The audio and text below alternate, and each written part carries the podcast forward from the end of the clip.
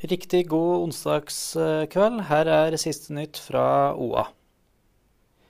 Spraya tre hakekors på kunstgrasbanen. Nå er skadeverket på skreia oppklart. To tenåringer har innrømmet skadeverket på Skreia ILs kunstgressbane natt til mandag 22.4. Les mer om saken på oa.no.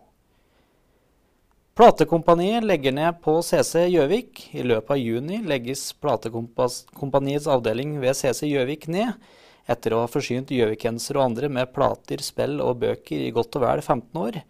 Legger Platekompaniet i løpet av, ned, i løpet av juni måned ned butikken på CC Gjøvik. Ny leietager er på plass i september, får OA opplyst.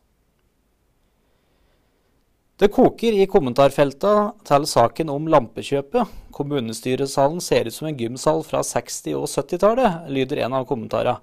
Tirsdag la OA ut saken om at Gjøvik kommune kjøpte lamper til rådhuset for 61 000 kroner per stykk, og nå strømmer kommentarene inn.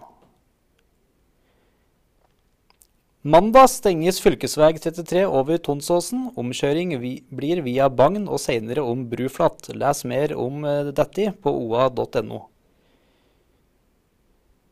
OA har eh, i kveld vært på Raufoss, der brannvesenet har foretatt den tradisjonelle dåpen av Raufoss-russen. Gå inn på oa.no og se bildeserie og video fra, fra happeningen.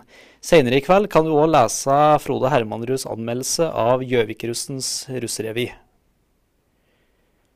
Plasthuset har stått kledd i plast i 13 år. Varsel om tvangsmulkt førte ikke fram.